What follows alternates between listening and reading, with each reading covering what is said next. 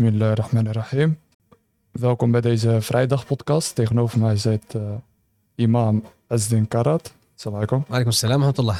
Uh, vandaag mocht u uh, de vrijdagpreek verzorgen. Ja. Zou u hier wat meer over kunnen vertellen? ja, inderdaad. Vandaag ging de vrijdagpreek over een heel belangrijk onderwerp die mij de afgelopen tijd bezig heeft gehouden. Als vader, maar ook als imam die met enige regelmaat wat vragen krijgt van de ouders. En het is het onderwerp van puberteit.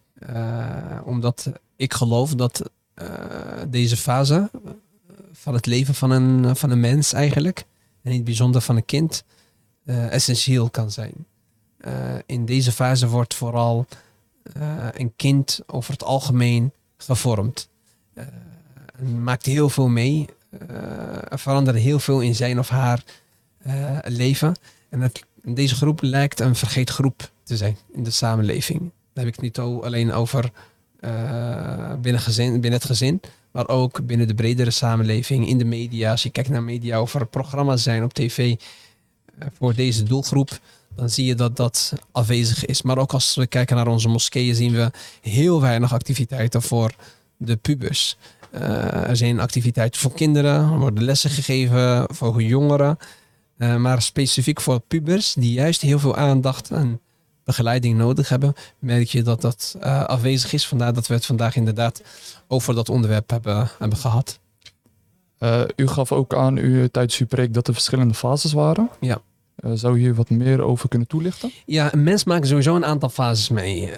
maar ook in de puberteit heb je ook verschillende fases. Je hebt het begin waarin met name de fysiologische, lichamelijke veranderingen um, centraal staan verandert heel veel en razendsnel in, in het lichaam van een kind eigenlijk. En dat kan heel verwarrend zijn, maar het kan ook heel lastig en vermoeiend uh, zijn. Als we dat niet begrijpen en als we dit soort processen niet kennen, dan wordt het ook heel lastig om een kind in die fase te, te, goed te begeleiden en te begrijpen. En de tweede fase is waarin deze veranderingen, als het ware, uh, voltooid, uh, voltooid worden uh, of voltooien. En, en, en, en, en, en eigenlijk de derde fase begint. Op het moment dat een kind eigenlijk zijn puberteit aan het verlaten is en de volwassenheid omarmt. En gedurende deze drie fases, die ook soms tot tien jaar of langer uh, kunnen duren, verandert ook heel veel in het kind. En zoals ik eerder al zei, het is een hele lastige, moeilijke uh, en vooral een vermoeiende uh, fase waarin een kind heel veel aandacht nodig heeft, maar ook heel veel behoeftes heeft. En in die behoeftes dienen wij hen te voorzien. En elke fase is gekoppeld aan een leeftijd of aan verschillende ja, kenmerken? Zeker. De eerste fase is van 11 tot 14 en de tweede fase, de, de, de, de middenfase, de middelste fase is van 14 tot, uh, van 14 tot 18. En de derde fase is vanaf 18 jaar. En dat kan verschillen per, uh, per kind. Maar dat zijn ongeveer de leeftijden. Maar wat nog belangrijker is dan een leeftijden, de behoeftes. Want een kind heeft verschillende behoeftes. Uh, en de, de islam leert ons ook om een kind in verschillende behoeftes te voorzien. De profeet sallallahu alaihi wasallam zegt ook in een hele mooie overlevering die eigenlijk uh, opvoeding samenvat. Hij zegt la'ibuhum sab'an wa allimuhum sab'an wa sahibuhum sab'an. Oftewel, speel met zeven jaar, uh, leer ze of onderwijzen gedurende de, zeg maar, de, de, de, de, gedurende zeven jaar en raak bevriend met ze. Bevriend met hen uh, voor de, de, komende zeven jaar. Met andere woorden, je dient je aandacht te verdelen in de eerste fase van kind zijn.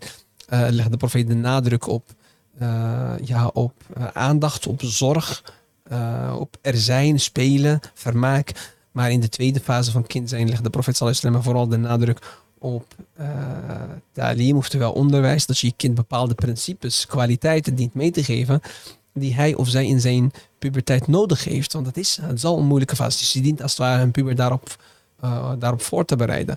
En, en vervolgens had de profeet sallallahu dus vanaf 14 jaar die bevriend te zijn. Dus eigenlijk uh, hem als een ja, als gezelschap of haar als gezelschap te beschouwen. Dat jullie samen dingen ondernemen. Dat, je hem, dat, dat een kind dan een eigen autonomie heeft. Wat een van de behoeftes, in van een, behoeftes van een kind. En dat je ook uh, een veilige omgeving creëert waarin jouw kind een gesprek met jou uh, kan voeren. Soms ook over hele gevoelige onderwerpen. Denk maar denk aan seks, seksualiteit. Heel veel, heel veel durven niet met hun kinderen daarover te spreken, terwijl dat heel belangrijk is. Want ze krijgen heel veel ideeën mee. Ze krijgen ideeën mee van school, van media, van tv, van tegenwoordig van social media. Uh, ze krijgen heel veel ideeën mee. En op het moment dat we erin uh, slagen om een alternatief te bieden, om uh, de seksuele voorrichting bijvoorbeeld te geven.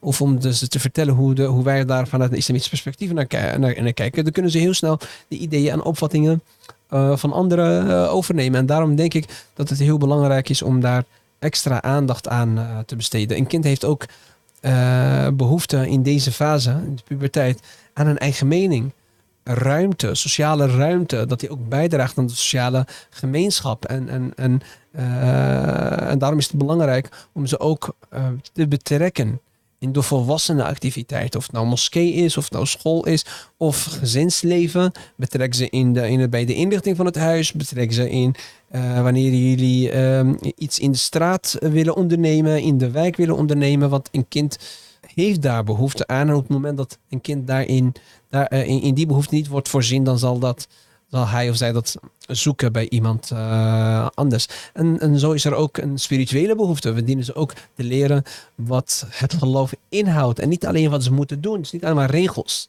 Maar je dient ze de tools mee te geven hoe ze de, het geloof eigenlijk beter kunnen begrijpen waarom in Allah geloven eigenlijk logisch is. Niet alleen maar waarom we dat moeten doen. Waarom het belangrijk is om het hiernamaals voor ogen te hebben. Waarom het belang... Dat zijn allemaal zaken die wij dienen mee te geven. We dienen ze gebed te leren. Alimuhum ala zegt de profeet Op het moment dat ze zeven jaar bereiken, al voor ze de puberteit hebben bereikt, hebben we drie jaar de tijd, tot tien jaar, hebben we, hebben we om, ze, om ze eigenlijk het gebed te leren. Want het gebed is jouw binding met Allah subhanahu wa ta'ala. Uh, een, een, een, band met de Koran is ook een belangrijke zaak. Dus, dus een, een puber heeft spirituele behoeften, heeft lichamelijke behoeften. En daarin worden de meeste pubers, moet ik zeggen, daarin worden ze voorzien. Ze krijgen voldoende eten en drinken en zorg. Uh, dus voeding. Uh, maar spirituele voeding is ook heel belangrijk. En ook mentale voeding. Dus dat je ze eigenlijk vertelt wat bepaalde concepten inhouden, wat bepaalde zaken, hoe bepaalde zaken zijn en wat de, visie wat de gezonde visie is over al die ideeën en opvattingen die, van, die ze van buitenaf meekregen. Dus als ik kort mag samenvatten, een, een heel sterk fundament waar ze steeds op zouden kunnen terugvallen, op zowel het spirituele vlak als ja, de lichamelijk vlak. Lichamelijk vlak. Ja. ja. maar als u... En nog misschien belangrijk, sorry dat ik je onderbreek, ook als het gaat om gedrag en ethiek. We moeten ze niet alleen maar adviezen geven, want pubers houden over het algemeen niet van adviezen. Mm Accepteren deze ook niet. Nemen liever adviezen van hun vriendenkring bijvoorbeeld over. En daarom is het heel belangrijk om niet alleen maar adviezen te geven, maar om ze het goede voorbeeld te geven, dat is één. En om ze vooral kwaliteiten en principes mee te geven. Dus waarom goed gedrag belangrijk is. En waar, hoe ze dat kunnen benutten, hoe ze dat kunnen gebruiken en wat voor voordelen daaraan verbonden zijn. Dat ze het zelf gaan begrijpen en daardoor een betere uh, keuze kunnen maken. Ik gaf net een voorbeeld van iemand die een paar vragen kwam stellen. Hmm. Ik zei, het, het, verschil is minimaal, maar het effect is wel heel groot. Het is wanneer je tegen je kind, een puber zegt, pak dit of doe dit, dan is de kans heel groot dat een kind gaat zeggen nee. Puber in het bijzonder, omdat hij uh, wil tonen dat hij een eigen identiteit heeft. En dat... Maar wanneer je een kind zal vragen, wat vind je van optie 1 of optie B? En hij kiest optie B, en die zegt tegen hem, zou je dat willen doen? dan zal met meestal het antwoord ja zijn. Waarom? Omdat hij zelf die keuze heeft gemaakt en hij heeft het gevoel van het is mijn eigen weg die ik heb bewandeld. Ja, dat is even, ik dacht misschien een belangrijke toevoeging. Nou, dank u wel. Dan, uh... Ja, jullie ook bedankt. Zakumullah khairan. Mag Allah zo dat accepteren. Inshallah. Heeft u tot slot nog uh, tips voor de ouders of een uh, laatste woord voor naar de jeugd toe? Naar de jeugd, vooral naar de pubers zou ik zeggen. Het is een warrige situatie. Het is een hele moeilijke fase. Er verandert veel in je leven. Maar weet dat je één, niet alleen bent. Alle kinderen maken dit mee. Alle twijfels die je hebt over allerlei zaken, over opvattingen die je meemaakt, die je meekrijgt, over uh, uh, de, de seksuele opvattingen, over ideologische vlakkingen, op, opvattingen, religieuze opvattingen. Allerlei zaken waar jij als puber over twijfelt. Het is een onderdeel van deze fase om daarover te twijfelen. Het is belangrijk om daarover nadenken, om het goed te onderzoeken, maar niet om conclusie te trekken dat je A bent of B bent, omdat je dit en dit gelooft. Maar er is ruimte voor verandering. En voor de ouders zou ik zeggen, eh, leer om geduldig te zijn, want dat is geen makkelijke fase. Leer om je kind ruimte te geven en leer vooral eh, te focussen op jouw handelen richting je puber en niet op het resultaat, want Allah heeft ons eh, gevraagd om in actie te komen en de resultaten dienen we over te laten aan Allah subhanahu wa ta'ala. Dat is een eh, mooi einde van deze vrijdagpreek. Ja, Shukran, barakallahu fik. Fikum barakallah. Assalamu alaikum wa rahmatullah. Assalamu alaikum.